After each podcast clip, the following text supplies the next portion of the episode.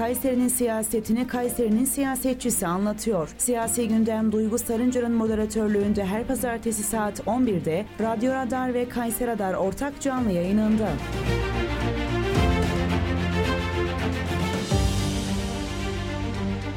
Duygu Sarıncar'ın hazırlayıp sunduğu siyasi gündem başlıyor.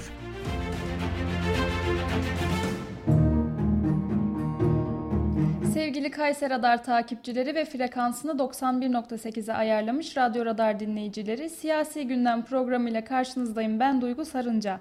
Her hafta farklı bir konuğumuzla yerel siyaseti konuşuyoruz. Bu haftaki konuğumuz CHP Talas İlçe Başkanı Mehmet Deniz. Hoş geldiniz. Hoş bulduk. Teşekkür Nasılsınız? Ederim. Teşekkürler, teşekkür ederim. Hepimize iyi yayınlar. İzleyenlere de bol selamlar, saygılar sunuyorum. Teşekkür ederiz. Ee, şöyle kısa bir hatırlatma yapmak istiyorum. Bizlere sorularınızı 0352 336 25 98 numaralı WhatsApp hattımızdan ulaştırabilirsiniz. Sizi tanıyabilir miyiz diye başlayalım. Evet, e, 1965 Kayseri Akkışla doğumluyum. İlkokulu Akkışla'da okuduktan sonra e, Pazarören Mimar Sinan Öğretmen Lisesi'ni yatılı olarak 6 yıl orada okuduk da, okudum. Daha sonra Van 100. Yıl Üniversitesi'nde Eğitim Yüksek Okulu adıylaydı bizim başladığımızda. Eğitim Fakültesini orada bitirdim. 32 yıl öğretmenlik hayatımdan sonra 2021'de emekli oldum.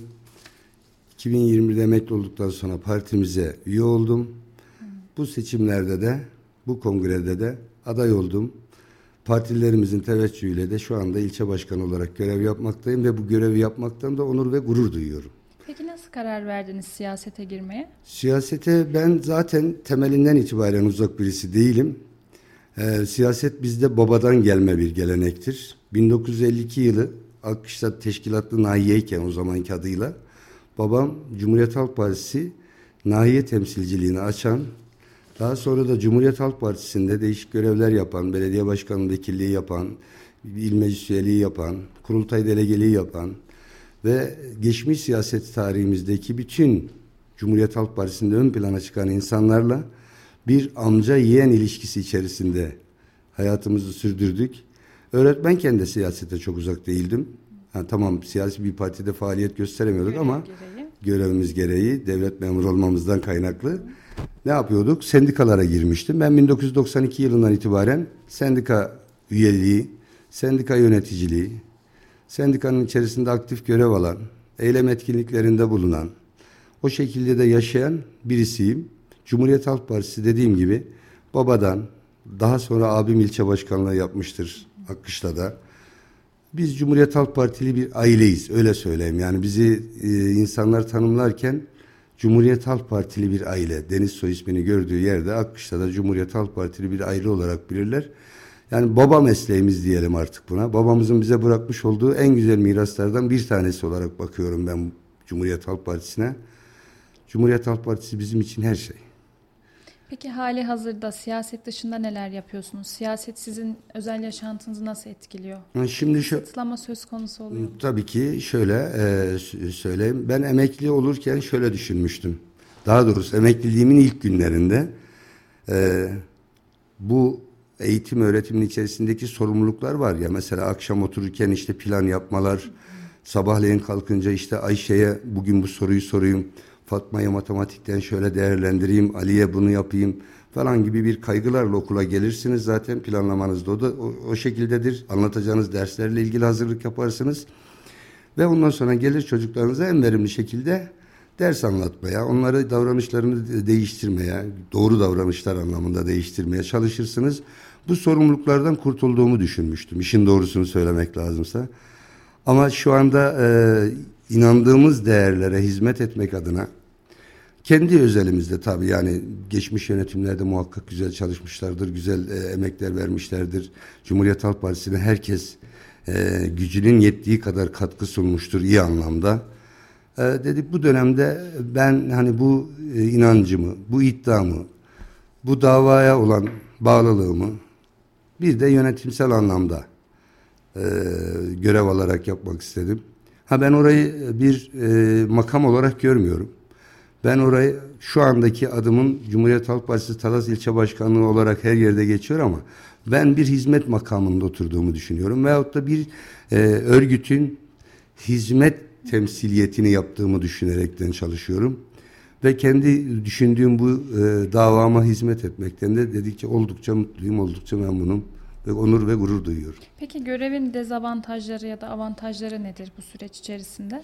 Şimdi görevin dezavantajları, avantajları tabii ki insanlarla iç içe olduğunuz için muhakkak e, e, bir şeyler yaşanabiliyor ama bu bunlar sıkıntı olarak da görmüyorum. O örgütün içerisinde olabilecek normal insan davranışları olarak görüyorum.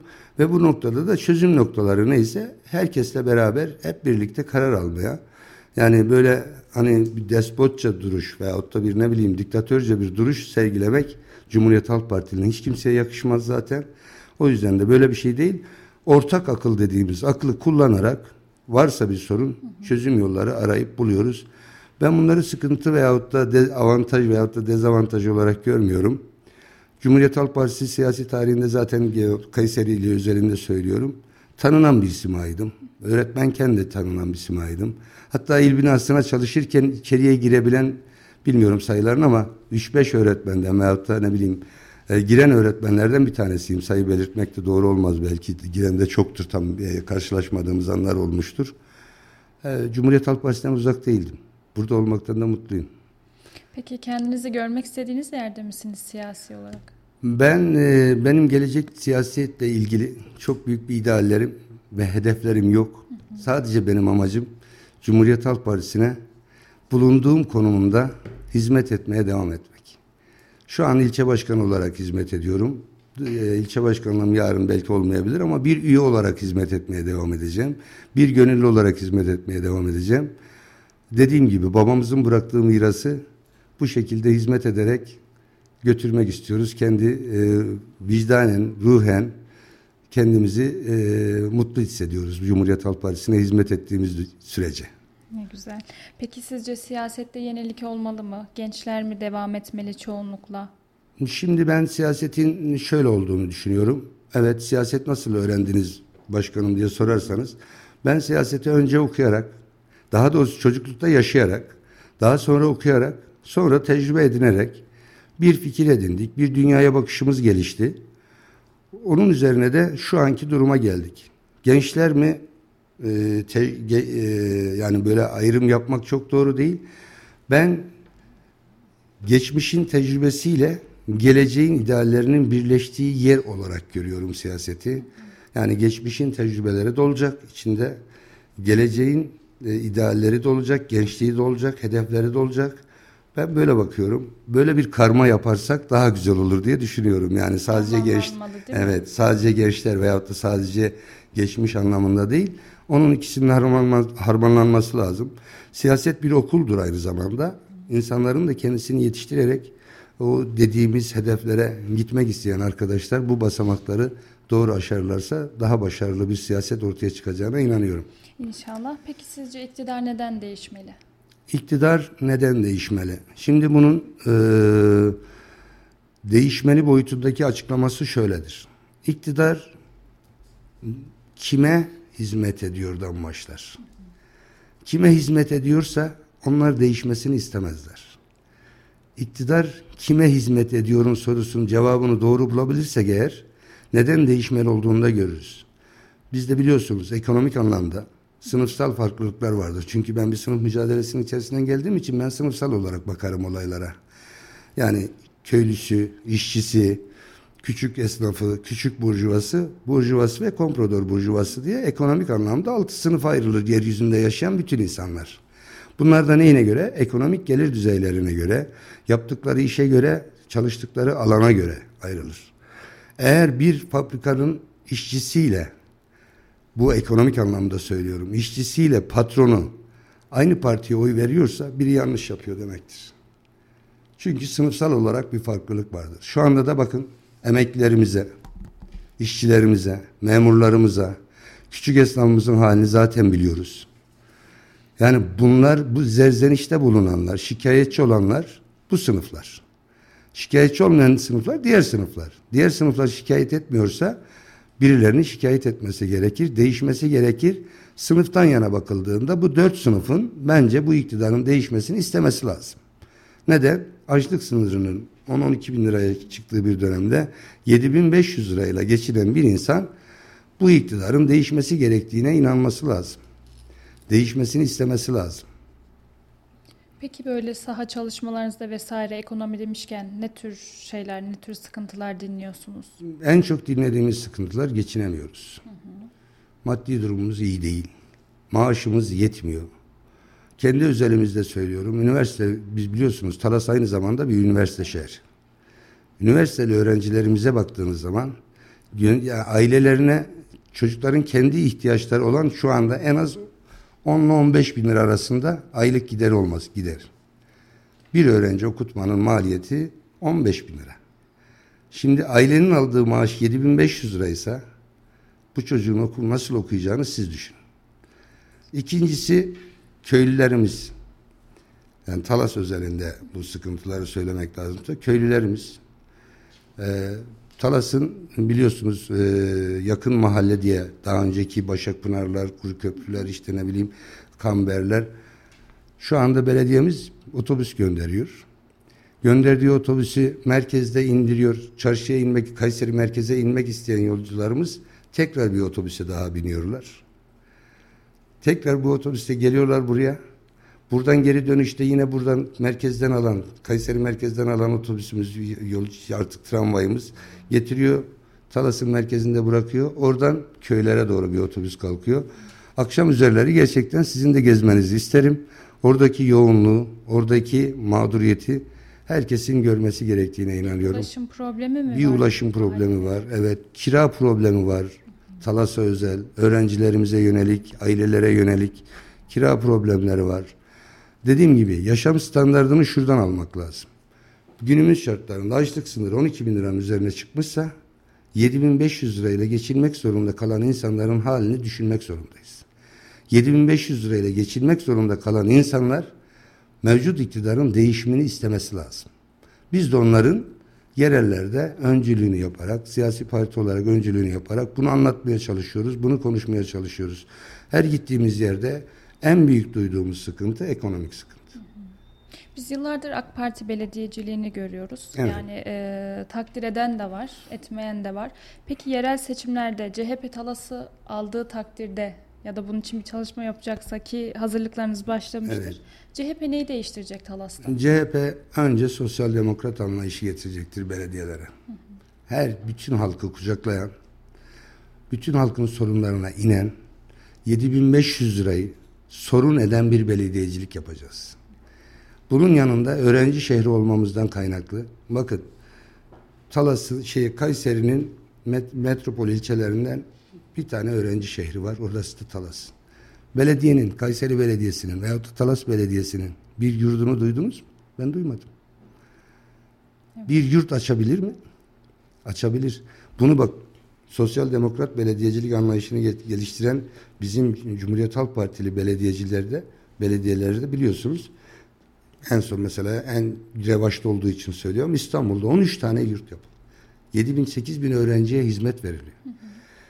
Bizim dört üniversitemizin de öğrencilerinin yüzde yetmiş beşinin yüzde sekseninin yaşadığı Talas'ta belediyemizin bir tane yurdu yok.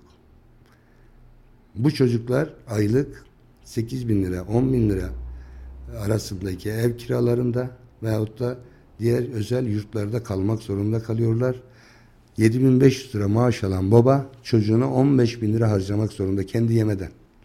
Barınma kendi... problemi var mı peki öğrenciler tabii ki, tarafından? Tabii ki biz o şikayetleri de alıyoruz. Çünkü 10 bin lira da veriyoruz ev bulamıyoruz başkanım diye zerzenişler geliyor şikayetler geliyor. Yani 10 bin lira eve 10 bin lira kira veriyoruz. İşte 3 kişiyiz, 2 kişiyiz, 4 kişiyiz ama ev bulamıyoruz. Varsa bir eviniz biz 10 bin lira kira vermeye razıyız şeklinde ilçe binamıza gelip bu şikayetlerini bildiren öğrencilerimiz var. Ha öğrencilerimize yönelik neler yapıyoruz? Evet biz bütün öğrencilerimizi Cumhuriyet Halk Partisi'ne davet ediyoruz. Gençlik kollarımız bu anlamda e, çalışmalarını yapıyor, standlar kuruyoruz. Geçen vekilimizle, Aşkın Bey'le e, kafeleri gezdik. Onların sorunlarını dinledik, not alıyoruz. Ona göre bir çözüm yolu üretmeye çalışıyoruz. Gerekli yetkililere Aşkın Bey kanalıyla bunlar iletildi. Öyle biliyorum. Yani e, biz orası tamam işçimizin, köylümüzün, köyden gelenlerimizin veyahut da memurlarımızın yaşadığı bir şehir olması yanında büyük bir üniversite şehri. Evet. Öğrenci şehri. Buradaki sosyal alanlarda, buradaki hizmet alanları da, diğer hizmet alanları da öğrenciye yönelik olmalı, öğrenci bütçesine uygun olmalı diye düşünüyoruz. Evet, bu anlamda da çalışmalarımızı yapacağız. Belediye başkanlığı adayımızda e, tabii ki hazırlıklarımız var ama şu anda paylaşılacak bir durum değil. Tabii ki hazırlıklarımız var. Biz e, Talas'ı almak istiyoruz. Hatta ben kongrede de bu cümleyi kurmuştum. Cumhuriyet Halk Partisi olarak, ilçe örgütü olarak, Cumhuriyet Halk Partileri olarak hedefimiz Cumhuriyet Talas'a Cumhuriyet Halk Partisi belediyeciliği getirmek, sosyal demokrat anlayışta bir belediyecilik yapmak istiyoruz. En büyük hedefimiz, idealimiz o Talas özelimizde. Peki genel olarak gençler memnun mu Talas'tan? Farklı ne istiyorlar? Şimdi şöyle söyleyeyim. Gençlerin en çoğu maliyetten şikayetçiler. Yani farklı bir şey istiyorlar. Evet istiyorlar ama onun da maliyetinin düşük olmasını istiyorlar. Çünkü gençlere yönelik ben şunu e, söylüyorum. Bu esnaf ticaret ilişkisinde şu vardır. Toplumun taleplerini karşılama olayı vardır. Ama toplumun taleplerini bir çayı 30 liraya 40 liraya bir kahveyi 70 liraya 80 liraya bir e, tostu 100 liraya yiyerek karşılama şansınız yok. Tamam ben işletmecileri de anlıyorum. Çünkü maliyetleri yüksek. E, ister istemez yüksek maliyette yüksek fiyatta satmak zorundalar. Ama bu bizim öğrencilerimize hitap etmiyor. Çünkü öğrencilerimizin bütçesi kısıtlı. Geliri belli. Okul hayatı belli. Yani insanlar tabii ki her alanda sosyal olmak isterler. Ben bir genç olarak size soruyorum. Yani sosyalite anlamında her şeyi yapmak istersiniz. Ama ne sizi kısıtlayan ne? Bir zamandır belki ama en çok da ekonomidir. Paradır. Yani sizi kısıtlayan, durduran şey odur. Ben ilçe başkanı olmadan önce Talas'ın gecelerini çok bilmezdim. Akşamlarını. Talas günüzünden çok daha kalabalık oluyor. Akşam saat 8'den sonra, 9'dan sonra.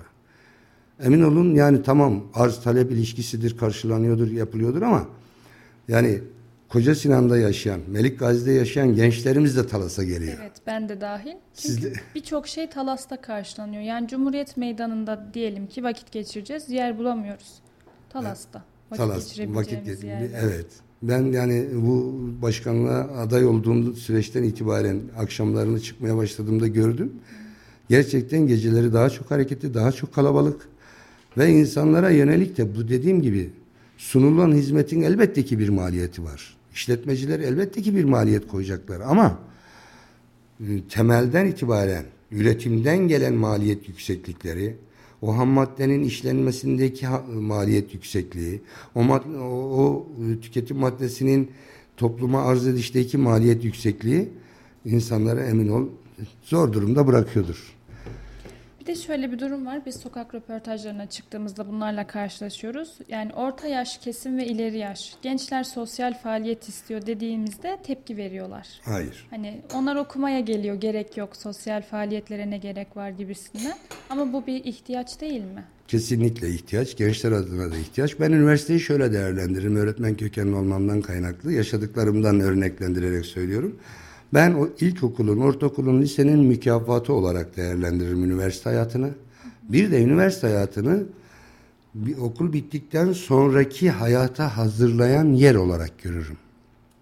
Bu gençler tam bir geçiş dönemindedir. Hem mükafatlarını yaşayacaklardır. Okumanın mükafatını yaşayacaklardır. Çünkü gençlerdir, kanları hızlı akar, heyecanları vardır, beklentileri vardır hayattan. Hem de geleceğe hazırlanırlar. Üniversite böyle bir yerdir. Üniversite araştırmanın olduğu, üniversite bilimin üretildiği yerdir. Ama tabii ki bu bilim 7-24 saat çocukların tepesinde bir şey olarak da değil. Elbette ki bir boş alanlar yaratılmadı. Onların da dinlenmeye, onların da sosyal aktivitelere katılmaya, onların da sosyal alanlar yaratmaya kesinlikle hakları var. Ve bu da herkese verilmesi gereken insan hakkı olarak gördüğüm bir değerdir.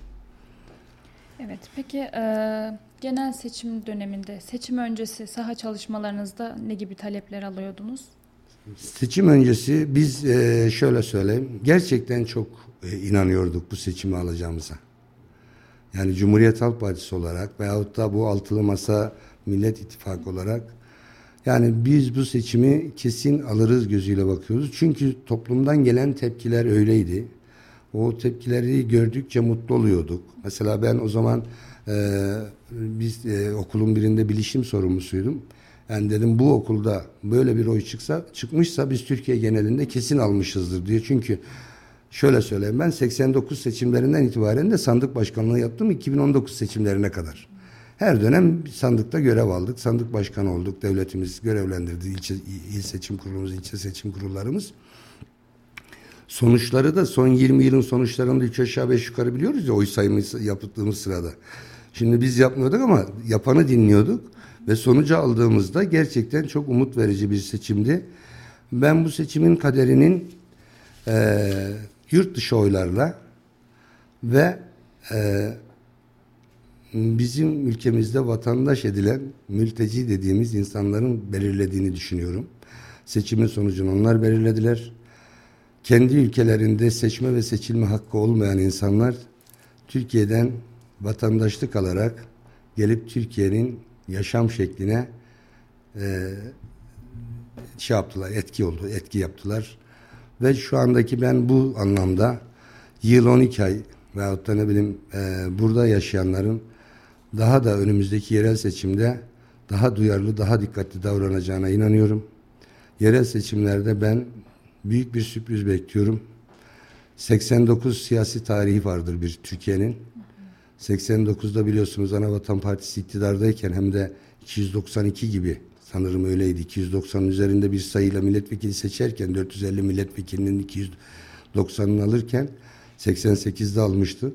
89'da o zamanki Sosyal Demokrat Halkçı Parti olarak biz Türkiye genelinde yerel seçimlerde büyük bir patlama yapmıştık. Büyük şehirleri aldığımız gibi birçok ilçeleri falan da almıştık. Ben bu seçimin öyle olacağını düşünüyorum. Bir patlama olacağını düşünüyorum. Bir toplumsal tepkinin yoğunlaştığını da görüyorum sahada. Peki göçmenlerle ilgili neler yapılmalı bu son, e, bundan sonraki süreçte? Bundan sonraki süreçte şöyle bir şey söylemek lazım. Tamam her şey geldiler, misafir ettik, zor durumdalardı. Elimizden geleni yaptık. Şu anda Suriye'de savaş ortamı bitti. Geçici sığınmacılar diye adlandırıyorduk biliyorsunuz. Şu geçici kelimesini artık yürürlüğe koyalım. Geçici olsunlar istiyorum. Yani bayramda tatile gidebiliyorsa veyahut da annemi göreceğim 10 gün sonra tekrar geleceğim deyip bugün oraya geçip geri gelebiliyorsa orada da yaşayabilir. Ha tabii ki orada da altyapısının bu artık uluslararası bir sorun biliyorsunuz yani Talas İlçe Başkanı olarak buna çok müdahale etme hakkımız da yok ya ama düşüncelerimiz muhakkak var. Yani orada da altyapının o bozulan düzenlerinin tekrar sağlanması gerekir ama misafirperverliğin de bir yere kadar olduğunu biliyoruz. Çünkü bir misafir eve geldiği zaman üç gün misafir olur. Dördüncü gün artık ev sahibidir. İnşallah diyelim. ilerleyen dönemlerde göreceğiz.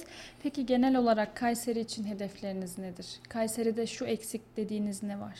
Kayseri'de eksik olan sosyal demokrat belediyecilik anlayışı.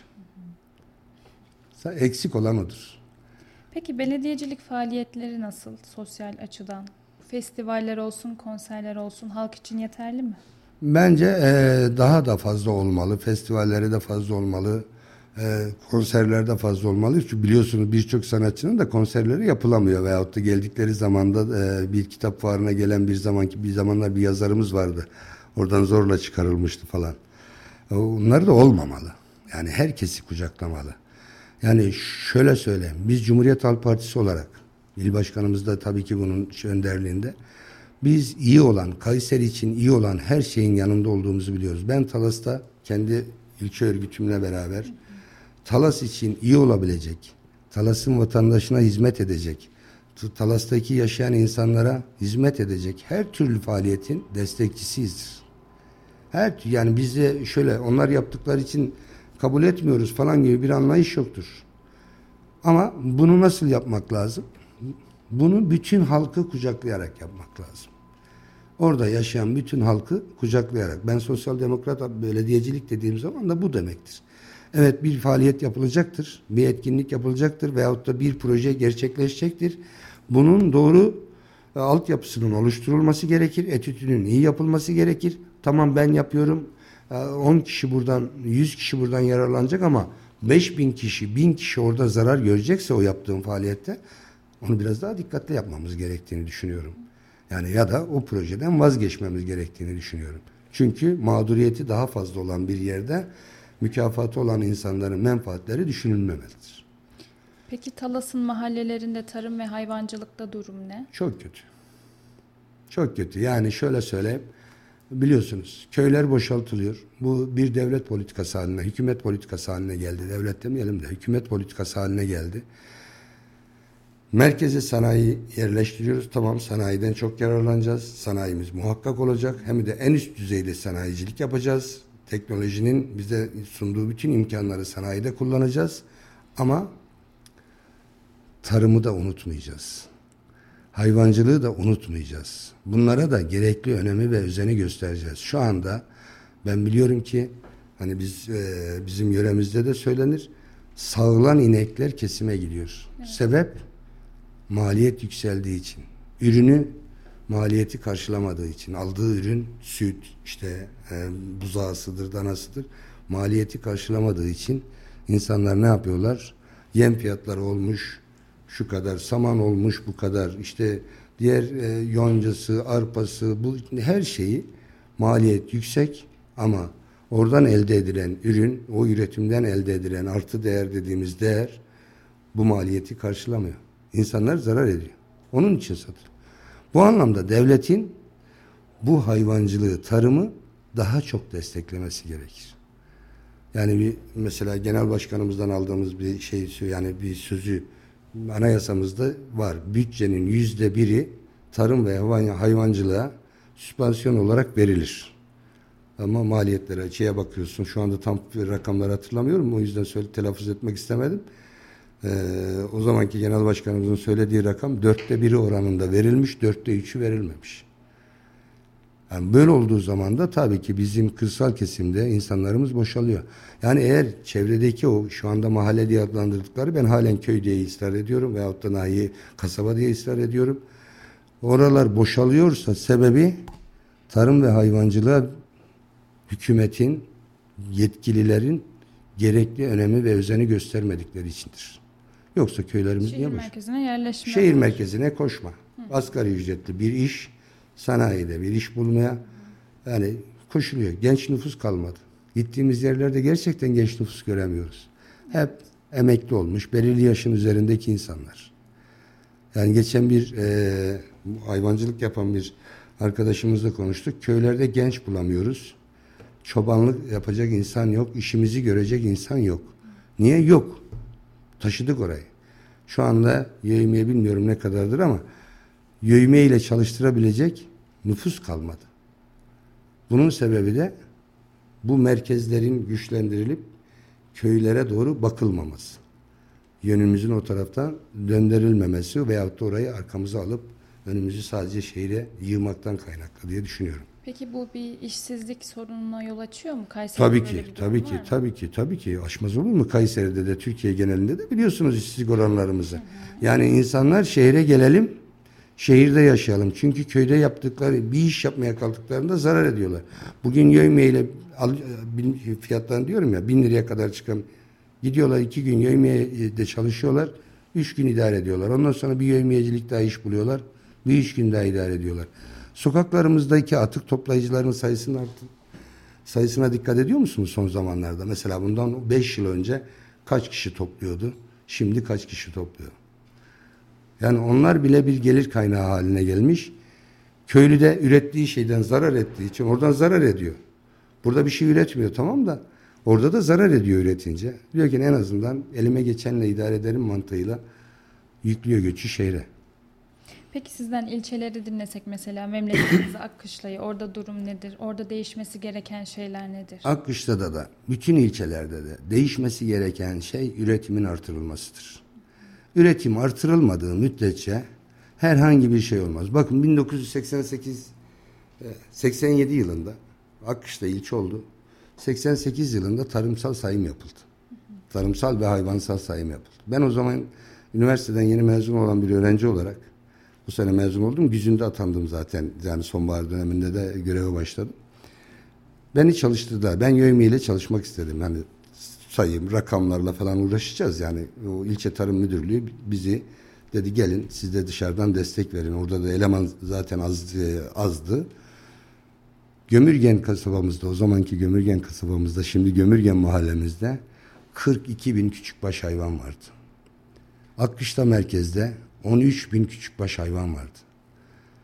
Büyük başları söylemiyorum. Şu anda Gömürgen mahallemiz yine hayvancılıkla devam ediyor ama ben şu an tam sayıyı bilmiyorum. Çok azaldı diyorlar yani rakam vermek istemiyorum. Yani o dönemler kalmadı. Gençlik kalmadı.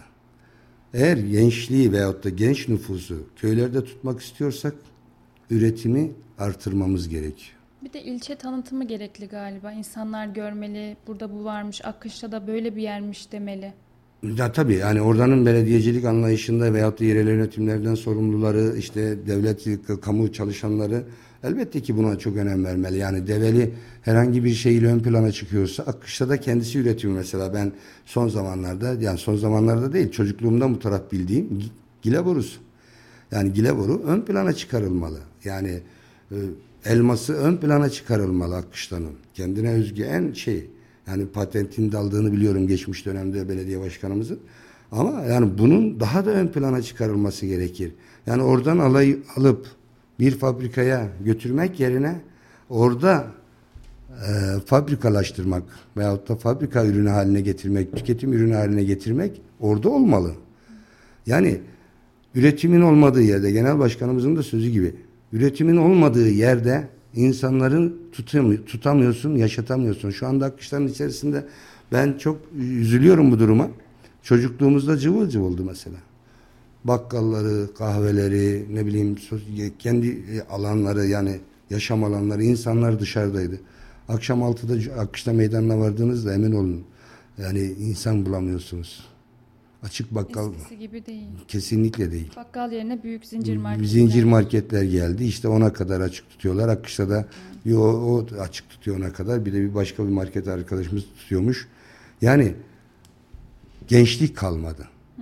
Zaten bizim yani bizim gençliğimizde de bizim çocukluğumuzda da yaşlılarımız evinde otururdu ama sokağa çıkacak genç kalmadı. O da ne? Merkezi bir yönetim anlayışı, her şeyin merkezde e, merkezde toplanması bütün fabrikaların. Mesela Gileboru suyunu meyve suyu haline getiren, onun artık aşamaları neyse onu yapan fabrika veyahut da işletme akış diye kurulabilir. Kamyonlarla doldurup buraya getirmenin bir anlamı yok. Ürettiğin yerde olsun. Veyahut da işte Bünyan, Akkış'ta bu anlamda Gileboru şeyinde sarı olan bir merkez yaratılabilir. İnsanlar oraya çekilebilir, orada insanlar çalışabilir, işçiler olur. İşçilerin kazandığı paralardan esnaflar kazanır. Bu etkileşimdir biliyorsunuz. Yani siz parayı kazandığınız zaman harcayacak yerlerdeki insanlar da sizden yararlanıyorlar. Marketlerdir, bakkallardır, sosyal alanlardır.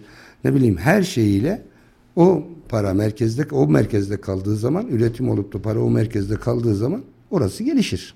Ha yok o, o parayı orada tutamazsanız, o maddi gücü orada tutamazsanız elbette ki böyle köhne bir yer olarak kalacak maalesef. Yani bütün ilçelerimizde şu anda biliyorsunuz en büyük ilçemiz Develi, Yahyalı gibi gözüküyor. Yahyalı'yı orada tutan nedir? Meyveciliktir. Develi'yi orada tutan daha geçmişten o Sarayhalı'dır. E, işte bu üretim çiftlikleridir. Onlar da orada tutan insanları. Ama şimdi oralar da kapanınca Develi de boşalmaya başladı. Küçülme oluyor galiba. Tabii tabii. Bu da şehir merkezine göç durumu işsizliği meydana getiriyor. Aynen. Aynen. Sık bir sorun zinciri. Bir sorun zinciri. Ama işte bunun birinci çözümü ben e, toprağın doğru işlenmeli ve üretimin artırılmalı, kırsala yayılmalı diye düşünüyorum. Yani sanayinin de kırsala yayılması gerektiğini. Yani şimdi Kayseri'de işte organize sanayi bölgeleri, doğu sanayisi, batı sanayisi yani bir sürü sanayi bölgesi yapılıyor ama bunların küçük sanayiler olarak oralara da çekilebilir. Oralarda da yapılabilir. Yani maliye bir Akkış'ta en uzak ilçelerden bir tanesi 80 kilometre. Yani 80 kilometrenin ham maddesini Kayseri'ye getirip Kayseri'de işliyorsun. Ham maddenin olduğu yerde işleyip de satacağın tüketiciye ulaşacak hale getirdikten sonra taşımış olsan nakliyecinin yapmış olsan yine aynı şey. Öyle değil mi? CHP bunları değiştirecek mi o zaman? Ben de değiştireceğine inanıyorum. İnşallah diyelim. Peki e, sizce her genç siyasette bulunmalı mı? Her genç siyaset yapmalı mı? Bunun bir kriteri var mıdır? Ben e, her genç siyaset yapmalı, siyaseti iyi bilmeli, siyasetin içerisinde olmalı ve aktif görev almaya çalışmalı. Bakın yani şöyle bir şey var. Tamam ekonomik özgürlüğü olmayan insanların işte siyasette pek fazla uğraşamıyor şu bu değil. İnsan kendisi önce kendisini geliştirebilmeli. Hı hı. Dünyadan, Türkiye'den, ülkemizden, şehrimizden, ilçemizden, kasabamızdan haberdar olmalıyız. Haber, haberdar olmalıyız yani. Önce bilmeliyiz, okumalıyız. Ben bir zamanlar gerçekten gençlik adına çok karamsardım. Tarihini de söyleyeceğim. Yine o zaman sendika başkanıydım. 2003 2013'teki o gezi olayları sırasında ben daha öncesinde şey diyordum. Gençlik elini siyasetten çekti. Gençlik elini siyasetten çekti. Gençlik işte ülke e, konusunda duyarlı değil falan gibi düşünüyordum ama ben oradaki e, gezi eylemlerinde veyahut da gezi karşıtlığı eylem de demeyelim yani gezideki o şeye direnişte gençlerin çok ön planda olması beni mutlu etmişti. Tekrardan beni heyecanlandırmıştı, umutlandırmıştı diyelim. Peki. Ben ben halen de gençlerin bu anlamda ülke konusunda, vatan konusunda gerçekten duyarlı olmalılar. Bu e, mesela İsrail-Filistin savaşı Türkiye'ye sizce ne gibi bir etkisi var? CHP bu yönde nasıl bir yol izlemeli, izleyecek? Yani e, şimdi bu dediğim gibi bu biraz daha büyük bir siyasi soru oldu. Yani şöyle söylemek lazım. Biz yıllardır zaten biliyorsunuz Türkiye'nin genel tavrını İsrail-Filistin olaylarında Filistin'den yana tavır alırız. Hı hı. Ee, böyle dururuz ama İsrail'le yaptığımız hiçbir sözleşmeden, hiçbir anlaşmadan vazgeçmeyiz. Veyahut da ne bileyim işte İsrail'le olan herhangi bir çıkar ilişkisinde İsrail'i biraz daha ön plana çıkartırız. Bağırırız, çağırırız, arkasından gelir sözleşme yaparız. Anlaşma yaparız. Bir şey anlatabildim mi acaba? yani.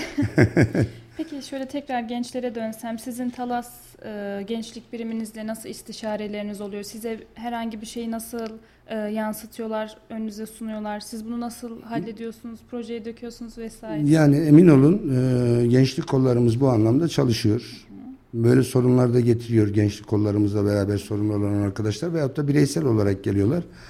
E, şunu söyleyeyim, kendi bütçemiz, imkanlarımız dahilinde bu soruna kesin çözüm bulmaya çalışıyoruz. Ha bulamadıklarımız oluyor mu? Evet oluyor. Yani çünkü bir öğrenciye atıyorum Talas İlçe Örgütü olarak maddi anlamda burs istediğinde veremiyoruz. Yok çünkü öyle bir bütçemiz yok. Ama e, şu da bir gerçek. E, geldiklerinde her zaman da kapımız açık. Herkes de gelebilir. Sorunlarını dinleriz. İmkanlarımız ölçüsünde yardımcı oluruz. Biz orada hizmet için oradayız. İnsanlarımıza hizmet için oradayız. Oradaki işçimiz, oradaki köylümüz, oradaki öğrencimiz, oradaki gencimiz bizden kendi istekleri, talepleri tabii ki isteklerini söylerler. Biz de gerçekten çözebiliyorsak, yapabiliyorsak bunu yapmaya çalışırız. Yani gelen e, il dışından gelen öğrencilerimiz oldu bu anlamda. İşte yurt konusunda yardımcı olduk, ev konusunda yardımcı olduk, imkanlar dahilinde. Halen de olmaya çalışıyoruz gelsinler. Daha dün e, çok hoşuma gitti. Dün iki tane gencimiz geldi. Bir partiye nasıl üye olacaklarını da bilmiyorlar. 29 Ekim'de başkanım biz bugün buraya üye olmaya geldik dediler. E, dedim valla iki tane fotoğraf lazım. Bizde böyle işte olması gereken evraklar var falan. Dedim o fotoğraflarınızı da yarın öğleden sonra gelin. Burada randevum olduğunu bildiğim için öğleden sonraya bıraktım. Öğleden sonra gelin size yardımcı olalım. Her konuda üye olun. Bizimle çalışın yani çok önemli değil, üye olmaları da değil. Dediğim gibi yine bir sorun varsa, bizim çözebileceğimiz bir şey varsa kesinlikle yardımcı oluruz. Peki çözemediğiniz durumlarda belediyeye iletme gibi bir Evet, meclis üyem, tabii ki meclis üyemiz kanalıyla belediyeye de iletiyoruz bunları, bu sorunlarımızı. Belediye de bunu bu anlamda çözüm noktasının üretmesini istiyoruz. Yani mesela benim katıldığım bir meclis toplantısında bizim meclis üyelerimizin yani muhalif kanatta duran meclis üyelerimizin bir talebi vardı gelen insanlarımıza yeni kayıt için geliniyor. Aileler geliyor. Kayseri'yi bilmiyorlar falan. İşte soruya birazcık işte bir bir çorba koyalım.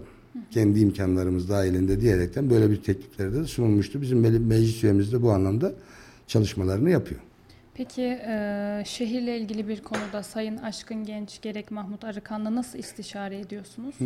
Direkt görüşebiliyoruz. Hiç sorun değil. Yani sağ olsunlar ikisi de ulaşılabilir, e, ulaşılabilir insanlar. Yani direkt yani şu ana kadar ben Aşkın Bey'in telefonunu aradığımda asla cevapsıza düşmedi yani. Hı hı. Ya da e, açamadıysa da çok nadir bu. Bir veyahut iki tanedir. Danışmanı direkt geri döndü. Kendi telefonundan benim taleplerimi veyahut da isteklerimi veyahut da düşüncelerimi aldı. Oraya not edildi. Yani bir düzen içerisinde işliyor. Kesinlikle ben şöyle düşünüyorum. Bakın bazı seçim elbette ki demokratik kitle örgütlerinde çünkü partilerde bir seçim dönemi yaşanır. Orada bir bir tatlı bir güzel bir rekabet olur. Bizim Cumhuriyet Halk Partisi'nde emin olun seçim bittikten sonra her şey yoluna girer. Şu anda biz 16 ilçe başkanı, il başkanımızın başkanlığında milletvekilimizin destekleriyle Cumhuriyet Halk Partisi'nin bir adım daha nasıl öne çıkarabilirizin çabalarını harcıyoruz. Yani hani bir değirmen olur, su ister biliyorsunuz değirmen, su değirmenler eskiden. O bizim Cumhuriyet Halk Partisi'nin bir değirmen olarak düşünüp herkes oraya duru su, temiz su taşımaya çalışıyor.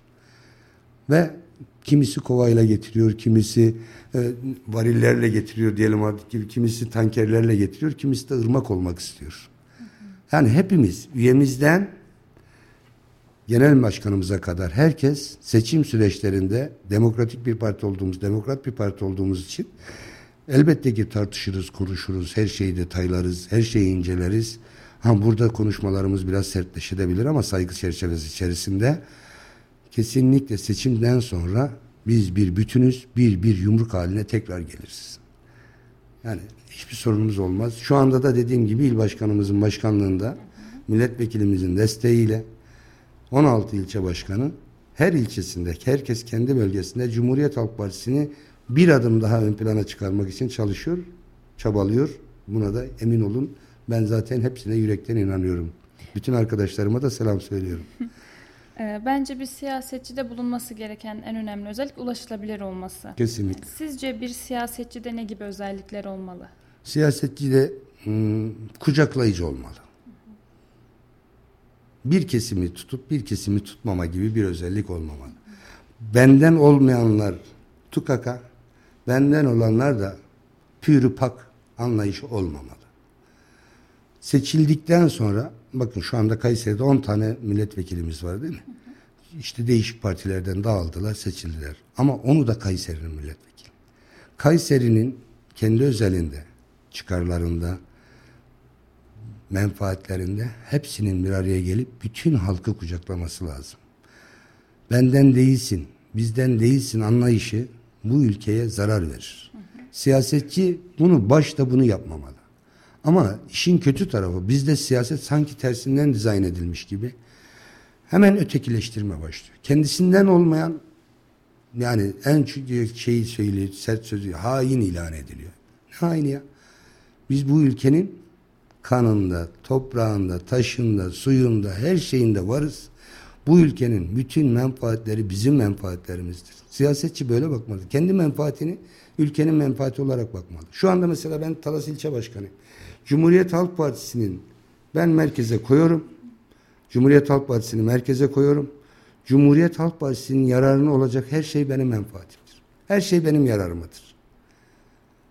İlçe örgütümün yararınadır. Orada bulunan partilerimin yararınadır. Kayseri'nin yararınadır. Türkiye'nin yararınadır. Cumhuriyet Halk Partisi özelinde.